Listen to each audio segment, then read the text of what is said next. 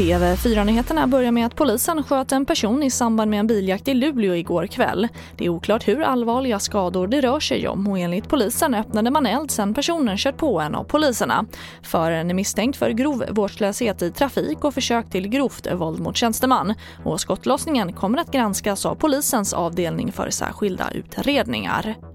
Och I Köpenhamn demonstrerade igår kväll ett par hundra personer mot regeringens planer på att införa ett vaccinpass. Det var gruppen Man in Black som låg bakom protesten.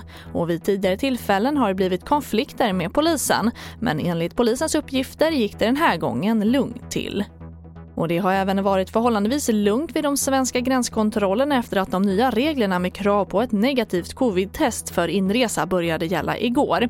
Störst belastning var det vid gränsen mot Finland. Vid Haparanda och Torneå kontrollerade polisen igår runt 340 fordon varav ett 40-tal avvisades för att de saknade intyg.